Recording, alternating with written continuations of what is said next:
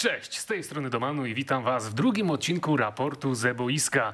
Ze mną jest mój współprowadzący Krzysztof Lenarczyk Dzień dobry, witam, cześć. oraz nasz pierwszy gość Korneliusz Rzeźwicki, znany jako Nexium. Zgadza się tak. Musiałem dobrze. wczoraj przez 15 minut ćwiczyć wypowiedź twojego nazwiska, bo jak wiecie, ja mam już takie troszeczkę zboczenie, że jak widzę gdzieś że, to od razu chcę powiedzieć rzeźnik.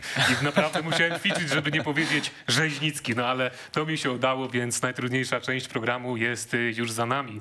Słowami wstępu. Bardzo dziękujemy za wszystkie komentarze, które zostawiliście pod pierwszym odcinkiem, bo większość z nich była pozytywna. Tak naprawdę negatywnych było może z sześć, a w tych sześciu dwa zostawiły jakąś konstruktywną krytykę, więc no, dziękujemy bardzo, ale my też wiemy, że nie jesteśmy doskonali, więc proszę dawać nam pomysły, co my tutaj możemy zmienić, jakie możemy dodać nowe tematy i dlatego przypominam o hashtagu TOX i jakichś propozycjach tematów do odcinka, bo w przeszłości wydawaliście bardzo wiele ciekawych zagadnień, teorii spiskowych, czy jakieś tam rzeczy, które dzieją się na scenie FIFA. Waszym zdaniem, o których myśmy nie słyszeli, o których warto porozmawiać, myśmy poruszali te tematy, to były bardzo ciekawe odcinki, więc wierzymy w was, prosimy o te propozycje i hashtag TOX. Kolejna sprawa, jeżeli chodzi o komentarze, jedna trzecia albo jeszcze więcej komentarzy pod tym pierwszym odcinkiem dotyczyła wirtualnych klubów. Oj, faktycznie to wyglądało tak, jakby co drugi gracz co najmniej FIFA grał w wirtualne kluby, aż byliśmy zszokowani. Ale ja przeprowadziłem ankietę na rzeźnikach z pytaniem, czy grasz aktualnie w wirtualne kluby? No i tam procentowo okazało się, że aktywnych graczy, no to jest mniej więcej 13%, może minimalnie więcej, więc y, no ewidentnie ktoś gra, ale nie możemy też y, udawać, że to jest y, jakiś y, bardzo popularny tryb FIFA 22. Ja wiem, że społeczność wirtualnych klubów jest bardzo głośna, więc ktoś zaraz tutaj przyjdzie i będzie krzyczeć, że jest troszeczkę mało tych głosów, no bo tutaj raptem, raptem no, kilka tysięcy. Ale słuchajcie, ja na studiach nauczyłem się wielu rzeczy. Niektóre były głupie, ale za to inne no, były jeszcze głupsze. No ale mimo wszystko dowiedziałem się paru ciekawych y, informacji między innymi nauczyłem się tego, że jeżeli przeprowadza się ankietę, to wystarczy mieć w niej tysiąc głosów, by wiedzieć, jakie będą finalne wyniki. Czyli jeżeli mamy tysiąc głosów w ankiecie, to później nieważne, czy będzie tych głosów więcej, 5 tysięcy, 10, 15, 50 czy 100, po tysiącu pierwszych głosów my już znamy finalne wyniki i muszę przyznać, że to się sprawdza, bo wiele razy przeprowadzałem ankiety, gdzie udział brało po kilkadziesiąt tysięcy osób i zawsze po zakończeniu ankiety wyniki były takie same jak po pierwszym tysiącu, więc ja bardzo ufam tym wynikom. 13% no to myślę, że jest taka e, prawdziwa informacja odnośnie tego, ile osób gra wirtualne kluby. Natomiast nie zmienia to faktu, że to jest ważny tryb gry, że ja też długo się w nim bawiłem, od FIFA 10 do FIFA e, 13, 14. Myśmy z Maćkiem tam mieli wielkie sukcesy. To jest tryb gry, który mocno wpłynął na rozwój FIFA, który aktualnie także może nas wiele w niej nauczyć, więc bez wątpienia poruszymy, poruszymy temat wirtualnych klubów w niedalekiej przyszłości. Może nawet zrobimy cały odcinek y, na ten temat. I ostatnia sprawa, którą chcę poruszyć we wstępie. Jak widzicie, za nami są porozkładane legendarne edycje rozmaitych wersji FIFA, włącznie od tej pierwszej 94, na której wystąpił sam Świerczewski. O tym wspominał zresztą y, Tomek Smokowski z mm, Michałem Polem w jednym z odcinków Skate Parku. Oni właśnie wspomnieli też, też że te FIFA, które są za nami na scenerii, to są przekazane od widzów y, kanału sportowego na zbiórkę dla czteroletniej y, Faustyny y, z Tarnowa, która choruje na mózgowe porażenie dziecięce, zaburzenia środkowego układu nerwowego i oczopląs. Więc no, te FIFA niedługo znikną z naszego studia, ale będą przekazane na szczytny cel. Link do zbiórki znajduje się w opisie tego filmiku, więc zapraszamy tam wchodzić i zapoznać się z tym.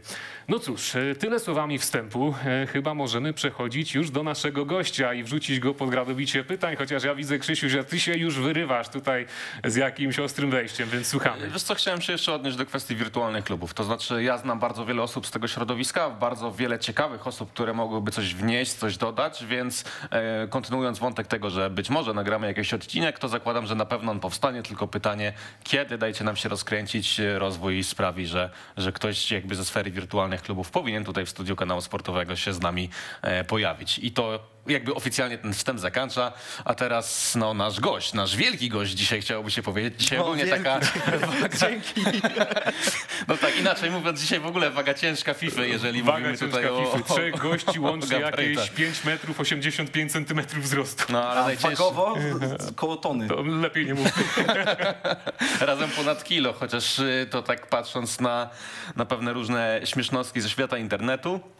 Nexium, jesteś z nami z jednego prostego powodu. To jest jakby najważniejszy powód dzisiejszego odcinka, ale o tym porozmawiamy później. Najpierw pogadajmy o tym, jak w ogóle zaczęła się twoja przygoda z FIFA, bo gdzieś e, w, w kontekście tego, co tutaj sobie rozmawialiśmy za kul, e, kuluarami, to się rozpędziłeś, opowiadałeś nam, e, kiedy, od kiedy grasz, jak to wszystko wyglądało.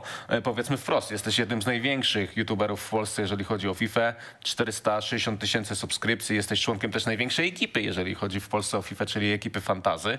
Jak to się wszystko zaczęło? Gdzie był ten, ten start? Bo, bo to jest chyba najbardziej ciekawe też dla młodych chłopaków, jak zacząć, żeby dojść do takiego sukcesu, do takiego miejsca, w którym ty jesteś. U mnie się to zaczęło wszystko przypadkiem i to mówię całkowicie poważnie, bo nie zakładałem w żadnym momencie mojego życia, że będę youtuberem, że teraz będę nagrywał Nie? filmy, że będę nagrywał filmy z FIFA. E, Gdy była okolica FIFA 12, miałem e, ziomków, którzy byli oczywiście gigantycznymi fanami piłki nożnej, gigantycznymi fanami FIFA. Ja do piłki nożnej nigdy nie miałem talentu, mam kompletnie dwie lewe nogi, no i to nie są lewe nogi Messiego.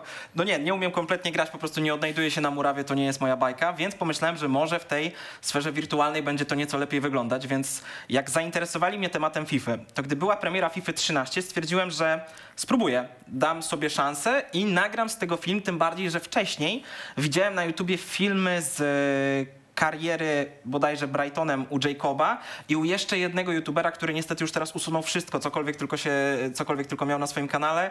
E, Miał na imię bodajże Mateusz. Ja nie wiem, jeżeli to teraz oglądasz, to ja bardzo serdecznie cię pozdrawiam, chłopie, bo zainspirowałeś mnie do tego, gdzie tutaj teraz jestem, ale no niestety usunął wszystkie swoje materiały wtedy jeszcze z FIFA 12. A możesz przypomnieć nick, czy to jest... Nie pamiętam. Pamiętam tylko, że Okej. miał coś z Matim i że to był na, na pewno Mateusz.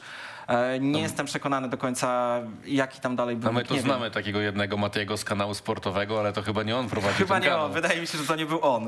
E, No w każdym razie stwierdziłem i spróbowałem, że jeżeli oni potrafią nagrać, to ja też spróbuję. I jakoś tak wyszło, że jako pierwszy w Polsce nagrałem film z FIFA 13. Nikt wcześniej nie nagrał tego, tego filmu. Ja po prostu w dniu premiery to też nie było, że ja o godzinie 7 rano wypuściłem ten film, tylko wtedy jeszcze będąc w gimnazjum skończyłem lekcję. Pojechałem bezpośrednio po lekcjach do sklepu, kupiłem FIFA, wróciłem do domu, nagrałem, wrzuciłem odcinek z trybu kariery Chelsea z FIFA 13. No i to zażarło. Się okazało, że ludzie wpisując frazę FIFA 13 w YouTubie trafiali na mój kanał. Tam zaczęły się pojawiać jakieś liczby. Ja w ogóle byłem w szoku. Ja byłem kompletnie w szoku do tego stopnia, że sam nie wiedziałem właściwie, co się dzieje. Czy to nie jest jakiś żart do końca, ale się okazało, że nie, że faktycznie te cyferki e, się pojawiały, a wraz z cyferkami byli też tam realni ludzie. No i wiadomo, to nie jest też taki rozwój, jaki widzimy teraz na YouTubie. To były jeszcze zupełnie inne czasy. To był, przypomnijmy, 2012 rok. Więc wtedy wbicie tysiąca subskrypcji To był duży sukces. to był duży sukces i to też trwało. To trwało kilka tygodni dobrych, a nie tak jak teraz ludzie, którzy zaczynają temat YouTube'a i nie wbiją tysiąca subskrypcji w pierwsze 2-3 dni, no to zazwyczaj się już załamują. Gdyby wtedy to tak wyglądało, no to nie byłoby większości chyba fifowych YouTuberów tu, gdzie teraz są. A nie boisz się, mm, że to się może kiedyś skończyć? To znaczy gdzieś jakby planujesz wielki koniec albo nie wiem, e, mm, gdzieś zmienić swoje pole działania? Bo patrząc na przykład na Castro, z tego da się zrobić wielki biznes, ale ostatnio na przykład nawet Castro, tak wielka postać, tak wpływowy youtuber, skończył z ostrzeżeniem od Electronic Arts. I to się wiesz, w konsekwencji może wpłynąć na jego streamy, na jakieś, na jakieś różne działania, jakby jak to wygląda z twojej perspektywy, albo z waszej perspektywy. No tak, ale też tutaj powiedzmy, że Castro, e, co on zrobił konkretnie? Wykupywał e, piki, które przez przypadek weszły na rynek e, z trzeciej drużyny tygodnia, a on je wszystkie skupował do swojego klubu i za to dostał ostrzeżenie od EA, tak? Tak. No i to też musimy mieć na uwadze, że jeżeli jesteś youtuberem, który należy do sieci partnerskiej EA, to twoje konto jest śledzone 100 razy bardziej i tam, jeżeli zrobisz chociaż jakiś mały, nielegalny przelew, coś drobnego po prostu przeskrobiesz, czy właśnie, no akurat tutaj to nie wiem, co było złego, że on kupował karty na rynku, no bo to nie jest jego wina, że jej przez przypadek wypuściło piki, no ale to jest po, też- pokazywał to i promował, że tam są jakieś takie e, niestandardowe rzeczy, no to trzeba być świadomym, że EA specjalnie ci jako youtuberowi da bana, żeby wszyscy widzieli w jego społeczności, że tutaj nie wolno robić takich nielegalnych rzeczy, że tu nie wolno nic myśleć jakimś e, schematem dookoła, tylko masz grać uczciwie, co najwyżej kupować japońscy i się, i się tym trzymać, więc więc to ten Castro to jest akurat e, taki przykład. Natomiast, no właśnie, powiedz nam jeszcze, zacząłeś e, od FIFA 13, ale twój kanał powstał w 2008 roku, więc to sobie leżał, leżał, leżał i w końcu coś, coś zapaliło dzięki tej 13. Natomiast jeżeli chodzi o ekipę fantazy, kiedy ona powstała, czy to od początku do niej wszedłeś? Ekipa Fantazy powstała trochę naturalnie. Nie było żadnego momentu wielkiego założenia tej ekipy, zebrania członków, zjazdu zarządu, ani z tych rzeczy. E, można powiedzieć, że trochę takim pomysłodawcą i założycielem tego był Lachu, tak mi się wydaje. Wtedy jeszcze w tych czasach FIFA 13, FIFA 14 m, działał taki projekt jak Velocter. Nie wiem, czy kojarzycie? E, Słyszeliście? co- Pamiętam, była taka liga youtuberów, coś takiego i to był Dokładnie tak. podział na, na tych mniej- znani grali w niższych ligach, bardziej znani grali w wyższych ligach. Jakoś Dokładnie, tak więc jeżeli ktoś potrafił grać w FIFA, ja nie potrafię, e, ale mógł się, mógł się jakby wybić do tej elitarnej ligi, gdzie grali ci najwięksi wówczas e, youtuberzy. I jakoś tak się złożyło, że wtedy po prostu się e, zgadaliśmy. Dobrze się nam z nami nagrywało. Był widoczny flow po prostu, gdy między sobą nagrywaliśmy. I później padła propozycja serii, gdzie chłopaki nagrywali serię Fantazy Football bodajże. I później została zaangażowana do tego jeszcze większa grupa i była następna seria Fantazy Collection. I jakoś te fantazy, fantazy, fantazy zostało i na takiej zasadzie powstała ekipa fantazy, gdzie byliśmy taką większą grupą, która nagrywała regularnie między sobą serię, później materiały też e, na boisku. I w takim kierunku to wszystko poszło. To A, wyszło i- naturalnie, nie było jakby żadnego, no może nie spisku, ale nie było za tym po prostu jakiegoś wielkiego zebrania, tylko to wyszło bardzo samoczynnie. Po prostu nagrywając sami z sobą, było nam z tym na tyle dobrze, że szliśmy w to dalej. Mówiłem na wstępie, że jesteś jednym, że właściwie ekipa Fantaza jest największą ekipą FIFA w Polsce. To powiedz tak naprawdę, ilu was tam jest i kto jakby w tej ekipie obecnie działa, bo to się tak ostatnio chyba trochę skurczyło, bo odeszła od was jedna osoba z tego, co pamiętam. Mówię tutaj o Wibę. Zgadza się. Wibe już z nami nie ma. Dodał sam e, wpis wyjaśniający na społeczności, że po prostu FIFA, nagrywanie FIFA przez ostatnie 6-7 lat miał uczucie, że nagrywa tę samą grę, więc jak najbardziej ja tutaj nie będę się za niego e, wypowiadał, bo to, a jeżeli ktokolwiek ma jakieś pytania do tego, to odsyłam właśnie do karty społeczności Wibe, on tam wyjaśnił po prostu jego powody odejścia od YouTube'a, odejścia też właśnie z e, nagrywania FIFA. A jeżeli chodzi o całą ekipę, no to mamy tutaj oczywiście e, Lacha, Jacoba, mamy Kameka, mamy Kozę, mnie i Deva. To jest taka szóstka, która teraz e, działa czynnie. E, nie nagrywamy na pewno tak często już z sobą, jak to miało miejsce jeszcze dobrych kilka lat temu, ale co roku tak czy siak się spotykamy, w sumie niedalekiej przyszłości się spotkamy, na akcję charytatywną i to jest chyba też taki, myślę, cement wiążący ten nasz cały monolit społeczności FIFA. Czyli ten kanał ekipy Fantazy, który teraz jest martwy chyba od 11 tysięcy, od 11 miesięcy, za chwilę znowu ożyje, bo chyba tam na nim będziemy, z tym będziecie streamować. Już wrzuciliśmy film zapowiadający tam jeden z e, pięciu, czyli przerobienie jednego z dziesięciu na piłkarską wersję. E, No i film się wbił ładnie, jest na karcie na czasie, więc odmrażamy ten kanał, ale i tak wiemy już po zeszłym roku, kiedy ten kanał właśnie stał, e, był martwy, w cudzysłowie oczywiście przez, e, przez rok. Kiedy do niego z powrotem wróciliśmy, no to się okazało, że jednak ludzie czekali. Ludzie cały czas pamiętają o tej akcji charytatywnej i sami piszą, że nie mogą się doczekać, kiedy to znowu wróci. Więc No, no dobra, nie więc się o to. Jak już tak płynnie przeskoczyliśmy do tego tematu, to czym jest Fantazy Pomaga? Aż 8 edycji to będzie ósmy raz, kiedy zbieracie pieniądze na cele charytatywne przy okazji streamowania, czy właściwie streamujecie, żeby zbierać pieniądze na, na cele charytatywne. Wielka rzecz tak naprawdę, bo nie każdy ma na to odwagę, nie każdy też ma na to czas, e, a czasem także nie każdy ma na to chęci. E, Wam to wychodzi doskonale, świetnie to promujecie, em, robicie to tak jak powiedziałem, to będzie już ósma edycja. Te, te kwoty, które zbieracie z roku na rok są coraz większe. Jak to będzie wyglądać e, w tym roku? Jak to się w ogóle zaczęło? Kto miał pomysł tej akcji charytatywnej? No i na kogo w tym roku będziecie zbierać, bo to też jest chyba kluczowe. Zaczęło się bardzo niepozornie i bardzo niewinnie, bo Jacob pomyślał sobie, że będzie, e, będzie chciał zebrać pieniądze na em, dom dziecka, który był w jego em, rodzinnej miejscowości i on stwierdził, że on odpali livestream na 24 godziny i tam będzie próbował zebrać jakąś kwotę. Odezwały się do niego e, kolejne osoby, które stwierdziły, to był bodajże mm, Kamek, Lachu i jeszcze Adziuk, chyba tak mi się wydaje.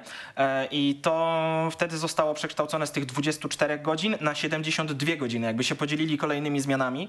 E, Cała reszta ekipy wtedy bezpośrednio nie streamowała, ale graliśmy też z sobą w trakcie trwania tego całego streama. No i okazało się, że z zakładanych tam może kilku tysięcy złotych, chyba na pierwszej edycji, e, zostało zebrane prawie 70 tysięcy bodajże, jakoś ta, jakaś taka kwota. Więc to przyrosło najśmielsze oczekiwania kogokolwiek, kto był w to zaangażowany. Ja do dziś będę pamiętał e, fragment tego pierwszego streama, gdzie Jacob po prostu przez godzinę siedział w ten sposób wychylony, tu słuchawki mu spadły, on się patrzył na ekran e, monitora, bo po prostu leciały wpłaty, wpłata, wpłata, wpłata, wpłata. To było po prostu coś niesamowitego. No i stwierdziliśmy, że jeżeli to poszło na tyle fajnie, to że trzeba się w to zaangażować całościowo. I bodajże już trzecia edycja to była ta, kiedy wszyscy razem, całą ekipą się zebraliśmy w bazach. To były, streamowaliśmy z trzech różnych miejsc. Pierwsza baza to byłem ja, Dev i Jacob. Druga baza to był Kamek i Koza i trzecia baza to był Lachu i Wibe. I wtedy też się dzieliliśmy tymi 24 godzinami i każdy streamował po kolei, po kolei, po kolei. Następnym krokiem milowym dla, tej, dla całego pomysłu tej akcji charytatywnej było to, że zebraliśmy się wszyscy w jednym miejscu i przez 72 godziny byliśmy w jednym miejscu po prostu podzieleni na zmiany, że e, ta nocka była dla tych osób, w takich przedziałach godzin e, czasowych byliśmy po prostu wszyscy razem w jednym miejscu. No i to się utrzymało. To jest to, co ludzie chcą widzieć, to jest to, co ludzie uwielbiają, ten cały klimat tego streama. E, Nie zapomnę nigdy, to jest coś, co, do czego regularnie wracam, to jest trafienie przeze mnie Cristiano Ronaldo wymiennego w darmowej paczce za 5K, którą dostaliśmy z paczki. To jest po prostu sytuacja jedna na milion. To jest niemożliwe po prostu, że to się wydarzyło, a to się wydarzyło. To jest jedna też z naj z najśmieszniejszych reakcji na, na trafienie jakiejś karty, jaką wiedziałem w parce, ale my po prostu nie wierzyliśmy w to, co się dzieje. E, no i teraz jest ósma edycja, tak jak sam zauważyłeś. Kiedy? To E, też musimy powiedzieć. To jest bardzo dobre pytanie. Startujemy 10 grudnia o godzinie 18, a wszystko kończy się 12 grudnia o godzinie 20 oczywiście, więc zapraszamy wszystkich bardzo serdecznie. Będzie nam bardzo miło, jeżeli zechcecie też dołączyć i wesprzeć nie tyle nas, co oczywiście dzieci, na które zawsze co roku zbieramy, a kwota, którą udało się e, zebrać nie tyle nam, bo my nie przypisujemy sobie tej zasługi, uważamy, że my jesteśmy tylko i wyłącznie pośrednikami, którzy zachęcają innych do wpłat. Wszystkim widzom, którzy byli w jakikolwiek sposób zaangażowani w tę zbiórkę, udało się zebrać ponad 900 tysięcy złotych na przestrzeni tych siedmiu edycji. I teraz jest ósma edycja, no i Czyli przekroczycie milion. No. Milion, jest- milion na tak, kontakt tak. food, milion na potencjalnie w zbiórkach na dzieci, na osoby potrzebujące, to jest wielka rzecz, jeżeli Zgadza chodzi się. o scenę FIFA. No i też to pokazuje, że scena FIFA to nie tylko granie, nie tylko zabawa, nie tylko rozrywka, ale też jeżeli mamy taką możliwość, to pomagamy. Szczególnie wy pomagacie, bo ta akcja gdzieś już przeszła nawet do e, może nie do mainstreamu, ale na pewno jest o niej bardzo głośno, jeżeli chodzi o ten nasz świat i także gdzieś te różne akcje charytatywne. Tak, i tutaj trzeba wziąć pod uwagę, że niektórzy to odbierają, może ci bardziej hejtujący fani FIFA, że może ktoś się tutaj chce wybić, coś pokazać na siłę, że jest dobry, ale drodzy Państwo, przeprowadzić taką akcję to naprawdę nie jest prosta sprawa. Same tam te kwestie podatkowe, no to jest, jest męka, bo ja się kiedyś tym interesowałem, więc ja naprawdę to doceniam, bo to jest duża robota, żeby coś takiego zrobić. Efekty tego są naprawdę świetne. Więc, no cóż. Jeżeli już tutaj jesteśmy, jeżeli wiemy, kiedy to się zacznie, no nie możemy cię zostawić z pustymi rękami, jeżeli wiemy, że to za chwilę ruszy. Więc ty kojarzysz karierę może Tolka Banana na moim kanale z FIFA 19? jak najbardziej kojarzę, No kojarzę. właśnie, więc słuchaj, no coś takiego przygotowałem. Jest to koszulka Wiusy Płock z tego sezonu z autografami wszystkich piłkarzy. E, a do tego oczywiście z tyłu Jest i on. na, napis, napis Banan 47. Słuchaj, jeżeli możesz, ja ci jeszcze pokażę, o co tutaj chodzi. Bo ja mam drugą taką koszulkę z napisem Tolek. Tu jest numer 19, możesz przytrzymać? Zgadza się, już. Jeżeli my je weźmiemy razem, Tolek Banan, to nam wychodzi imię i nazwisko trenera, do tego 1947 to jest rok założenia Wisły Płock, więc ta druga koszulka jest bez autografów, więc robimy tak.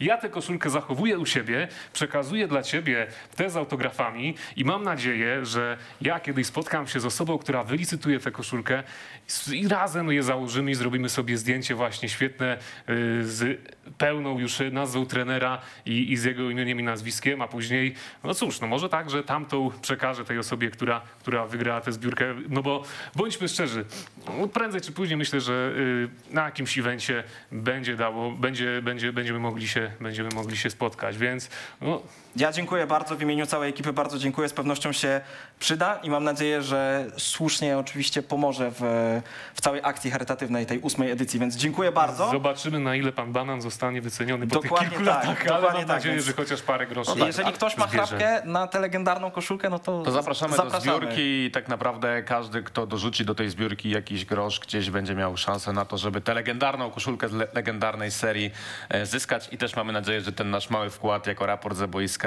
przyczyni się do też popularności akcji charytatywnej, bo jakby zależy nam na tym, żeby tych pieniążków, jak to niektórzy nie lubią tak mówić, ale ja lubię tak mówić, więc mam nadzieję, że ich zbierze się mm, jak najwięcej. To jest też taki fajny gest ze strony kartomanii. Ale skoro Mm, były tematy przyjemne, czas na tematy nieprzyjemne. E, Zaraz tutaj, czekajcie. O, tutaj mamy zeznania podatkowe za rok 2017, tutaj za 2016. Nie no, na serio.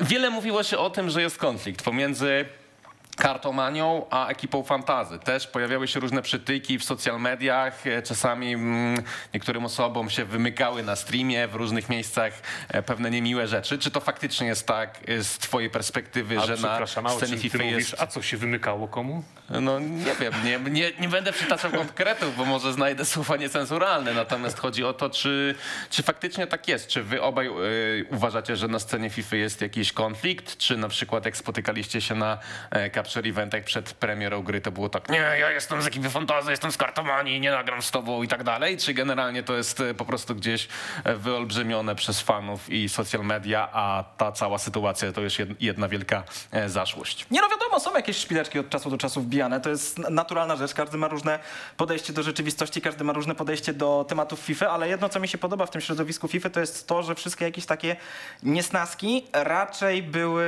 załatwiane wewnętrznie. Nie było nigdy takiej sytuacji, tak jak powiedziałeś, że był jakiś capture event, były jakieś e, spotkanie, gdzie mieliśmy okazję się spotkać i ktoś komuś by napluł w barszcz e, po prostu tak frontalnie. No, A, a niedługo może będzie okazja, prawda? Dokładnie tak. E, Wydaje mi się, że mm, też te przytyki, o których mówisz, to jest trochę e, melodia e, przeszłości, trochę tak mi się wydaje, ale było, zdecydowanie było coś takiego. Też pamiętam, że no jako, jako kartomania trochę, trochę, e, nie wiem, czy was bawiły, czy trochę szydziliście, ale z trybu draft i z tego, jak my się jako youtuberzy z ekipy Fantazy upodobaliśmy sobie ten tryb draft, w którym były robione drafty na każdy możliwy sposób. I to wiem, że to na pewno było coś, co wam, może nie wiem, czy wam personalnie, czy jakby widowni przeszkadzało. Z drugiej strony wiem, że działa to też w taką stronę, że dużo osób zarzuca mm, personalnie na przykład tobie, Dominik, że jest się guru FIFA, jeżeli chodzi o wszystkie te aspekty techniczne, jeżeli chodzi o aspekty jak należy grać, jak należy e, robić to jak najlepiej. A gdy przychodzi co do czego, jak na przykład był turniej e, Toty, to kartomanie reprezentował pan Kogito. No, tak I, to, i, to było. była, i, to była Tak takie było. kwe, I to były takie kwestie, które myślę, że nie można powiedzieć absolutnie o jakimś e, konflikcie, takiej typowej dramie. To są ewentualnie takie właśnie niesnaski, przytyki, tylko że no, no jeżeli się spotkaliśmy prywatnie nie tak dawno temu, no czy była jakaś zła krew między nami? Nie, no i tak naprawdę też y, powiedziałeś mi, że chcesz się rozwijać w pewnym aspekcie i, i i, no mogę to powiedzieć chyba w I jakiś sposób ci to w moim kierunku więc... pomocną dłoń jak najbardziej, za co jestem bardzo wdzięczny. Miałem okazję e, skomentować e, turniej sześciu narodów, jeżeli chodzi o reprezentację. wszedłeś w esport, zresztą nie od y, okazji tego turnieju, ale o tym też chwilę, natomiast wróćmy do tego turnieju sześciu narodów. Zgadza się. No to dzięki tobie miałem okazję skomentować, być twoim współkomentatorem, za co bardzo A dziękuję. ja, a, a ja twoim współkomentatorem, bo tak Zgadza naprawdę się. nie było tak, że ja byłem jedynką, ty byłeś dwójką, czy ty byłeś dwójką, a ja byłem jedynką. Po prostu posta- postawiliśmy siebie na, na równi i to też myślę było takie fajne z naszej strony. No myślę, że to była naprawdę e, mega fajna przygoda. E, świetnie było się w tym sprawdzić, bardzo mi się to podobało, bardzo dobrze się też w tym czułem. E, no i dzięki po prostu. Dzięki po prostu za taką możliwość. Czy Dominik, y, nie ma za co, oczywiście, wielka przyjemność po mojej stronie, bo też świetnie mi się z tobą pracowało, ale czy Dominik do kwestii konfliktu tego turnieju, toty, czy do kwestii tego draftu chcesz się Nie jakoś no, odnieść? zaskoczyłeś mnie, Krzysiu, że z czymś takim wyjechałeś, ale myślę, że chciałeś tutaj podbić trochę jakąś dramę może No wywołać myślałem, że tutaj nami, na ale- parterze zaraz No się tak, byśmy zderzyli. będziemy się bić. Tutaj Nie, jest, no. y, jeszcze kontynuując, jest Oktagon MMA, taki program na tym kanale. Tutaj opowiadają o sportach walki, to my byśmy zrobili może sporty walki na żywo. Żywą, no ale chyba do tego nie dojdzie dzisiaj. Nie ma żadnego konfliktu. No kiedyś tam na początku może faktycznie były jakieś spiny, bo się pojawił jakiś kartomaniak, nie wiadomo skąd co on tu robi na tym YouTube, ale to już dawno jest za nami. Przecież ja występowałem i u Lacha, i u Jacoba, chyba u Kamyka, u Kozy z trzy razy. Nexium też mnie zaprosił nawet w tym roku, żeby u niego wystąpić, tylko mnie tam nie było w domu, jakieś miałem inne problemy, że no, logistycznie trudno mi było znaleźć czas. Pamiętasz, wiele razy to przekładałem, aż finalnie się. gdzieś całkiem przepadłem, natomiast no, nie, ma żadnych, nie ma żadnych konfliktów. No, po prostu może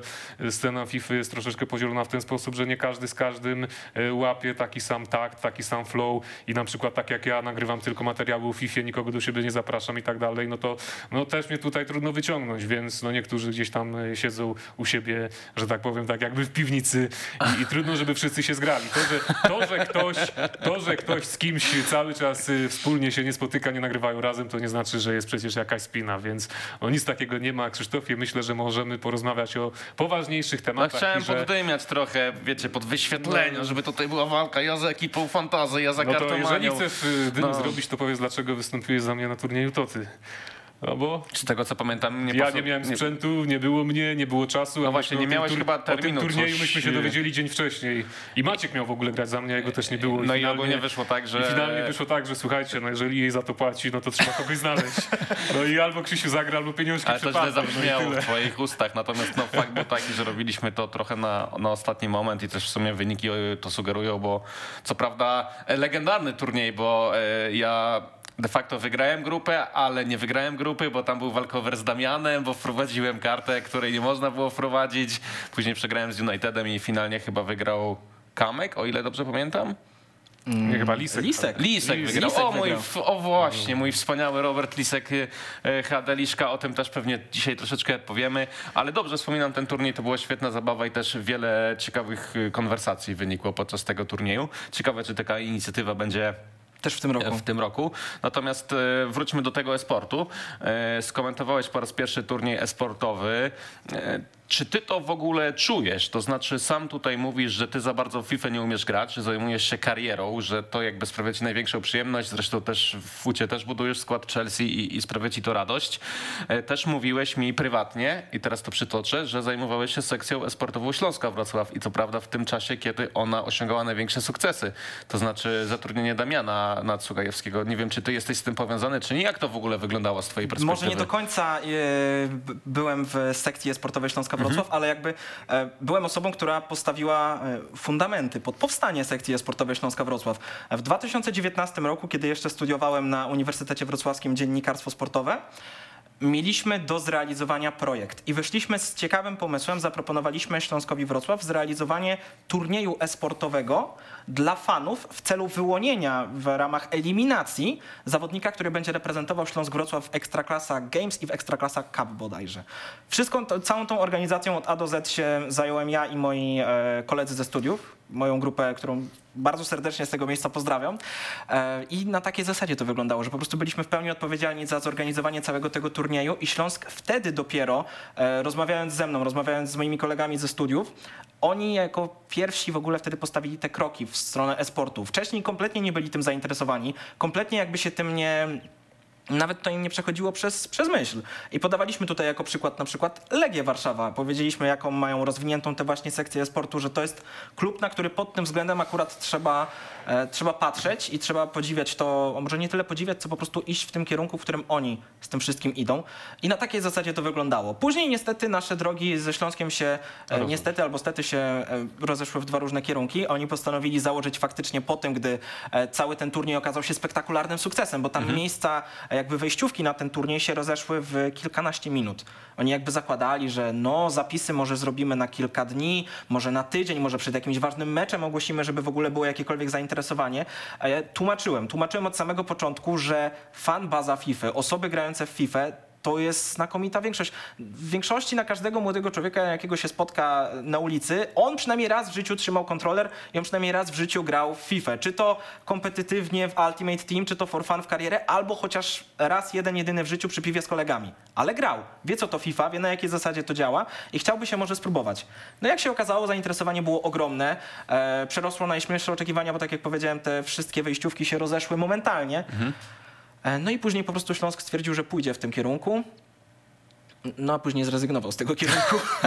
No tak, ale jakby nie znam powodu zamknięcia sekcji Śląska-Wrocław. Wiemy, że Damian Nadsugajewski jeszcze nie jest ogłoszony w nowym klubie, ale w nowym klubie FIFA i Club World Cup grał, więc o tym też dzisiaj słów kilka, ale my zakończmy ten temat, bo to odpowiedź była co najmniej wyczerpująca i przejdźmy do kolejnego. Zapraszam Dominiku.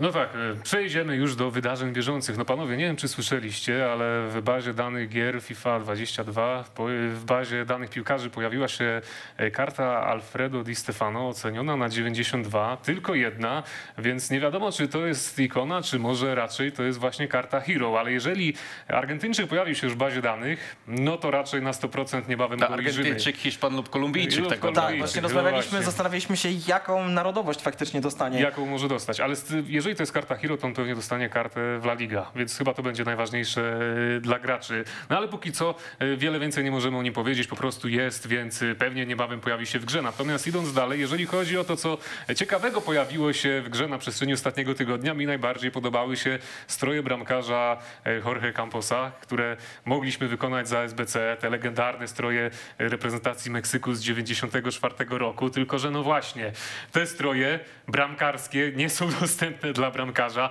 tylko dla zawodników z pola, a jeżeli chodzi o bramkarzy, no to mamy tam jakiś zwykły trykot y, FIFA Ultimate Team, więc no trochę dziwna sytuacja. Ja liczyłem, że mój golkiper będzie mógł faktycznie biegać w tym fajnym trykocie, a tymczasem y, to się nie uda, a to jest trochę, trochę dziwne, no bo FIFA już na tym etapie myślę, że mogłaby mieć odzorowane stroje golkiperów, jak wiemy nawet taki ten legendarny PES-6, do którego znowu wracamy, to było kilkanaście lat temu, a tam nie, nie tylko, że każda drużyna miała stroje bramkarskie, ale nawet miała chyba wyjazdowe stroje bramkarskie. Dosłownie każda drużyna w grze, a tymczasem w FIFA 22 mamy stroje bramkarzy Premier League, Championship, La Liga najlepszych lig, no ale w Ekstraklasie, no to tam y, jeżeli chodzi o golkiperów, oni biegają w jakimś całym zielonym trykocie, aby z logo klubu e, naklejonym, więc... To tak samo to wygląda w trybie kariery, kiedy masz e, możliwość stworzenia własnego klubu. Owszem, tworzysz całe trykoty dla swojej pierwszej drużyny, stroje wyjazdowe też, ale tylko i wyłącznie dla piłkarzy grających w polu, bo bramkarz zawsze gra Zawsze. z bazowym strojem No wygenerowanym, co jest też irytujące. Więc to mogłoby się rozwinąć. Wiecie, co jest najbardziej zabawne w tej sytuacji? Że złośliwi na Twitterze pisali, że stroje Jorge Camposa to jest jedyny świąteczny akcent, który w grze się pojawi, bo z tego co wiemy, trochę odchodzi się od tych kwestii religijnych w samej grze,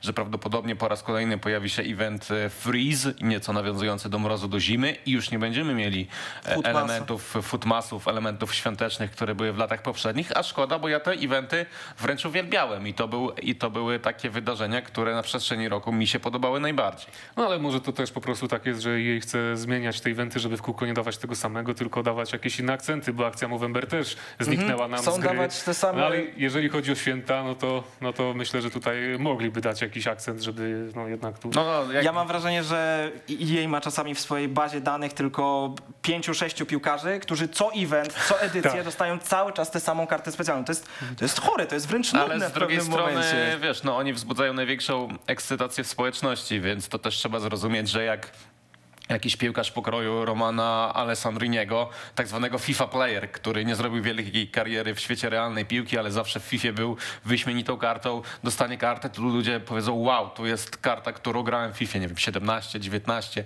20, ja znowu chcę nim zagrać, więc to działa na tej zasadzie. No też zrobiłem SBC o Romka Alessandriniego, No właśnie, muszę przyznać. to jakby zamyka temat, a my przejdźmy do... Drużyny tygodnia. Drużyny tygodnia, no to i jest tam jakby najważniejsze. informy Grosickiego, tylko no właśnie za co? No tak naprawdę mm, poprosiłem, poprosiłem e, mojego kolegę, e, który jest wielkim fanem Pogoni Szczecin, który mi e, wyjaśnił, żeby mi wyjaśnił, dlaczego Grosicki tak naprawdę dostał tego informa na przestrzeni sezonu. No i też warto wspomnieć, że mm, Kamil Grosicki w meczu z Lechią Gdańsk wszedł w, w środku pierwszej połowy na boisko i w bardzo krótkim czasie na przestrzeni mm, od momentu wejścia zdobył trzy asysty. I jak powiedział mój kolega, miałby jeszcze więcej, gdyby nie jego koledzy z drużyny, po które trochę, trochę mu przeszkadzali. I to też jest e, bardzo ciekawe, że tak, oczywiście, jasne, Kamil Grosicki jest graczem z wielkimi umiejętnościami. To było oczywiste, że jak przyjdzie do polskiej ekstraklasy, to e, przerośnie ją e, właśnie tak zwanym skillem, tylko na tym boisku prawdziwym. Natomiast to też zawsze dobrze widzieć, że taki zawodnik, który był w wielkim kryzysie, który nie grał w piłkę, który siedział na ławce, który też stracił miejsce w reprezentacji, a bardzo wiele nam dawał radości jako reprezentant Polski, wraca do tego prawdziwego futbolu. No i wraca także FIFA Ultimate Team, no i też był wielkim urozmaiceniem składu w Pucharze Polski, gdzie grało się polskim składem. No w FIFA 22 ogółem mam wrażenie, że jest sporo tych polskich akcentów w drużynie tygodnia. Czy No to, tak, bo to jest czy 11 ekstra- drużyna tygodnia i to jest czwarty zawodnik z ekstraklasy ogólnie. Dokładnie tak, więc można się naprawdę tutaj pobawić. Jeżeli ktoś by chciał tworzyć drużynę z ekstraklasy, to jest tutaj No myślę, że pod koniec FIFA będziemy mogli znowu zbudować cały skład kart specjalnych z ekstraklasy i każdy będzie dostępny na jakąś tam To pozycję. w ramach ciekawostki, wcześniej powiedziałeś, że tworzę skład Chelsea. Na ten moment już w tej chwili jesteśmy w stanie złożyć całą jedenastkę Chelsea na pełnym zgraniu, wyłącznie złożoną z kart specjalnych.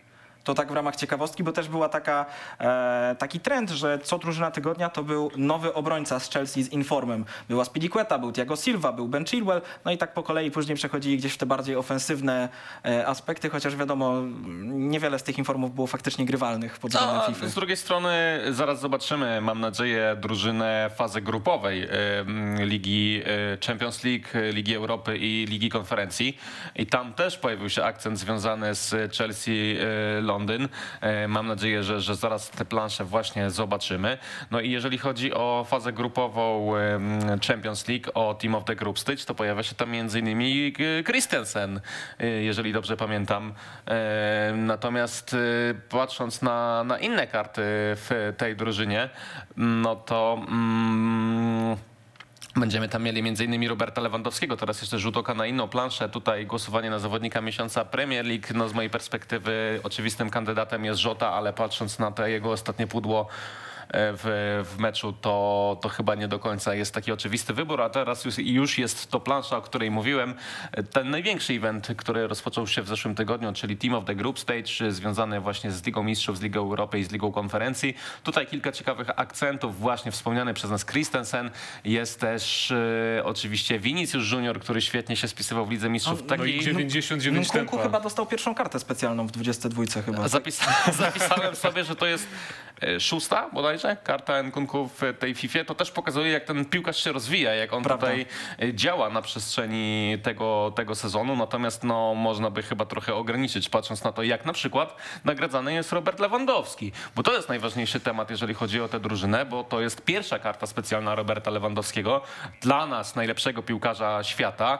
I Patrząc na to, jakie to były wyczyny, że Lewandowski na przykład w głosowaniu na zawodnika miesiąca przegrywał z, z Wircem z Bayeru Leverkusen, przegrał z Nkunku w głosowaniu, że to jest dopiero jego pierwsza karta, to jest to chyba pewne zaskoczenie. Ale patrzysz na mnie i mówisz o tym Lewandowskim, bo chyba chcesz, żebym wspomniał o pewnym akcencie i dziennikarzu z Uzbekistanu, który brał udział w głosowaniu na zawodnika, który ma otrzymać złotą piłkę i w jego wyborach nie znalazł się Robert Lewandowski, a następnie tłumaczył on to, że w FIFA Polak jest za wolny, nie potrafi wykonywać niektórych sztuczek, no a poza tym nic nie wygrał z reprezentacją Niemiec. I to, to była podstawa do tego, żeby nie zagłosować e, na Lewandowskiego. Natomiast jak widzimy, ten dziennikarz tutaj wybrał Mbappé, Mounta, Messiego, więc no to są tacy zawodnicy, no ten Mbappé zwłaszcza na okładce FIFA się znalazł, więc on chyba faktycznie kierował się tym, e, co prezentuje FIFA. Z jednej strony jest to śmieszne, z innej żałosne, z trzeciej zaskakujące, no ale tak na poważnie, czy FIFA ma aż tak poważny wpływ na prawdziwy świat futbolu, czy może to jest jednak fake, czy może to jest po prostu żart tego dziennikarza, bo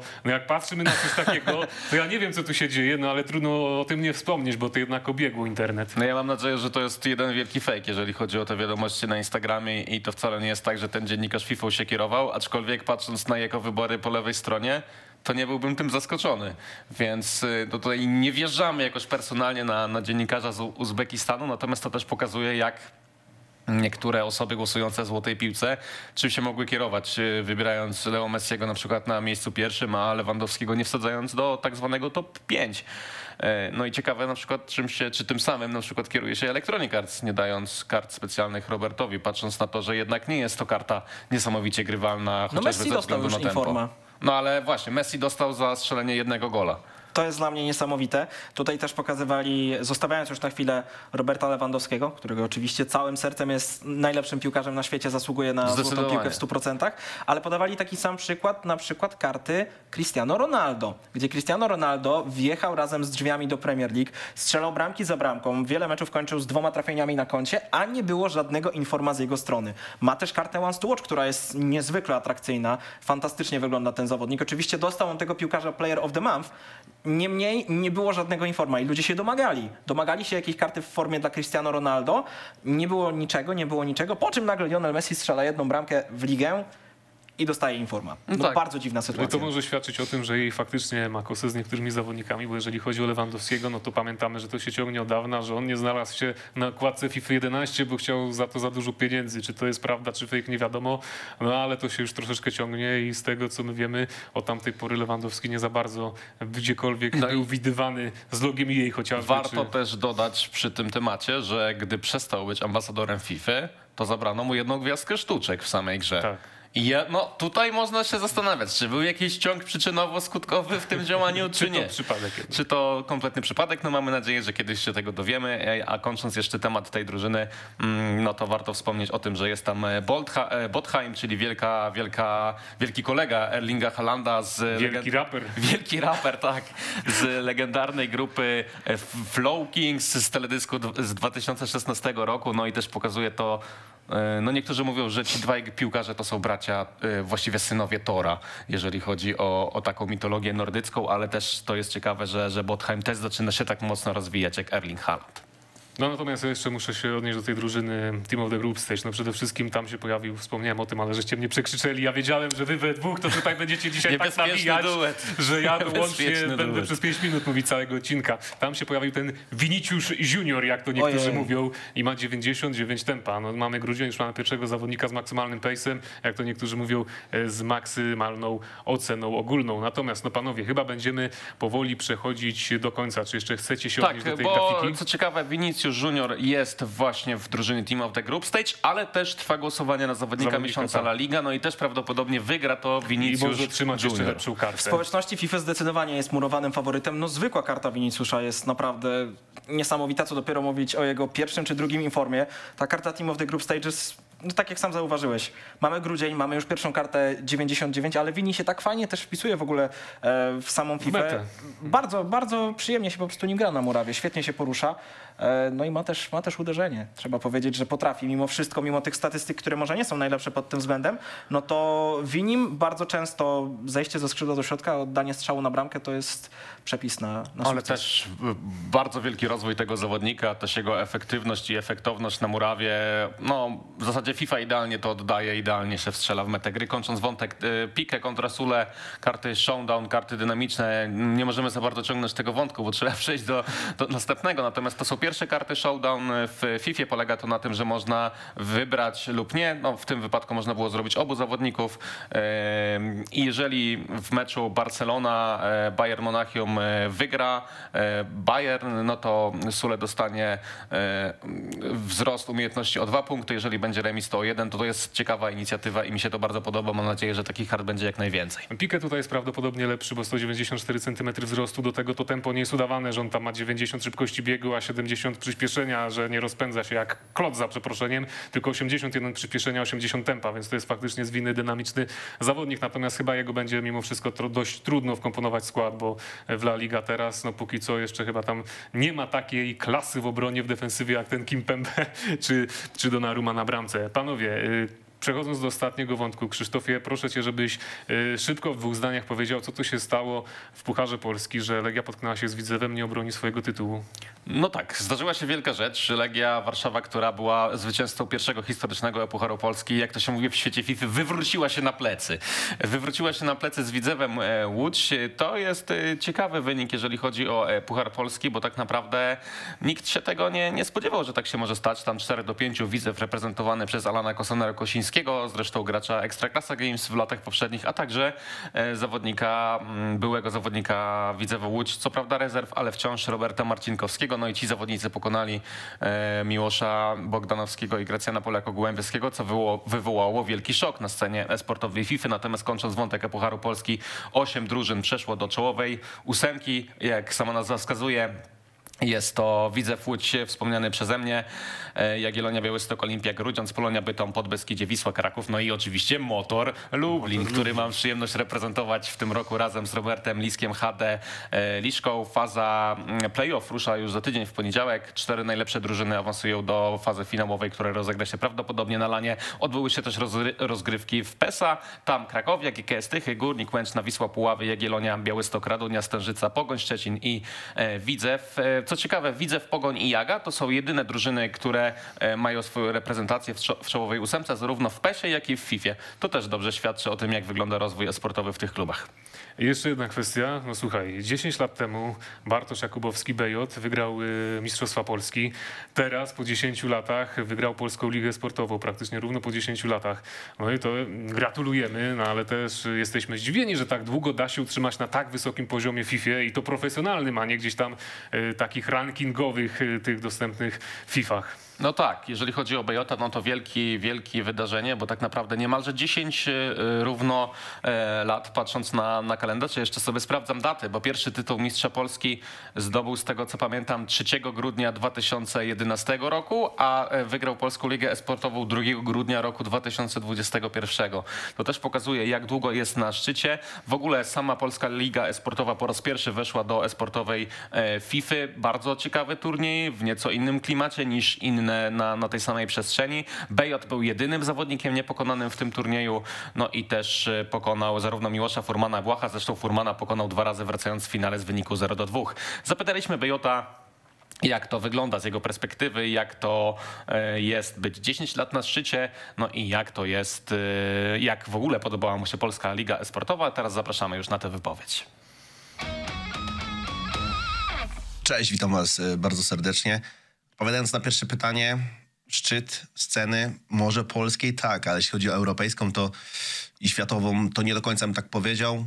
Te pierwsze 4-5 lat grania, czyli lata 2011, 2015, 16, to ta kompetytywność sceny nie była mm, zbyt duża zarówno jeśli chodzi o polską e, scenę, ale też europejską. Nie było przestrzeni, żeby rywalizować. To, co mamy teraz, ilość turniejów też e, zagranicznych, e, ale też takich, gdzie właśnie Polacy mogą chociażby w tym roku w formacie 2 versus 2 zmierzyć się z zagranicznymi duetami, no to teraz to mamy tego od groma a kiedyś tego praktycznie w ogóle e, nie było. No i jeśli chodzi o to moje bycie mm, w czołówce, to yy, na pewno mogę jeszcze wejść na wyższy poziom, jeśli chodzi o mm, e, zmagania europejskie. Klubowe Mistrzostwa Świata w tym roku, właściwie w FIFA 21, ale to był luty tego roku, zajęliśmy w top 10 jako Wisła All Games Kraków i, i tutaj e, liczę, że w tym roku swój wynik e, właśnie w tych drużynowych zmaganiach poprawię. A jeśli chodzi o polską czołówkę, to faktycznie jest to po prostu bardzo przyjemne uczucie, bo e, gdy zaczynałem grać, miałem lat 16 i widziałem tylko tych starszych, którzy, którzy pykali, z którymi udało mi się rywalizować. Teraz ja jestem jednym z tych starszych e, i to ci młodsi próbują ze mną rywalizować. Czasem z lepszym skutkiem, jak wtedy, gdy mnie ogrywają, ale jednak w większości z tym skutkiem gorszym dla nich, ponieważ e, nadal potrafię być e, najlepszy i wygrywać z tymi najlepszymi w Polsce, a na świecie też. Jeśli chodzi o finały Polskiej Ligi Sportowej, to króciutko tutaj powiem, że bardzo mi się podobały. Może patrzę przez pryzmat swojego zwycięstwa, ale nie no, format y, był fajny. Nie graliśmy jedną drużyną w trybie head to head, tylko tutaj była mieszanka Liverpool, Real, Atletico się pojawiało, także było mm, ciekawiej. Do tego stanowisko komentatorskie, kanapa, gdzie z tyłu gracze przechadzali się i po meczu szybko wskakiwali na wywiad. Taka luźna atmosfera y, też całego wydarzenia. No to się też trochę łączy z ideą e-sportu e, i rywalizacji, gdzie nie mamy tutaj takiej nadętości, tylko raczej e, rywalizujemy w uśmiechach. Także finały PLE zdecydowanie dla mnie na plus. No, widzimy Bejot z naturalnym uśmiechem na ustach, no ale faktycznie może on być zadowolony, tym bardziej, że jego forma wskazuje na to, że jeszcze nie jeden sukces go czeka. Szanowni Państwo, bardzo szybko zleciał nam ta, ten czas y, i czas się rozstać. Gościliśmy dzisiaj Nexioma. Fajnie, że tutaj wpadłeś, fajnie było Cię poznać pierwszy raz, bo my z Nexiomem się nigdy nie widzieliśmy. Przypominam o hashtagu Talks. Zostawiajcie swoje propozycje tematów do następnych odcinków. I na dzisiaj to tyle. Do zobaczenia wkrótce. Cześć! Cześć!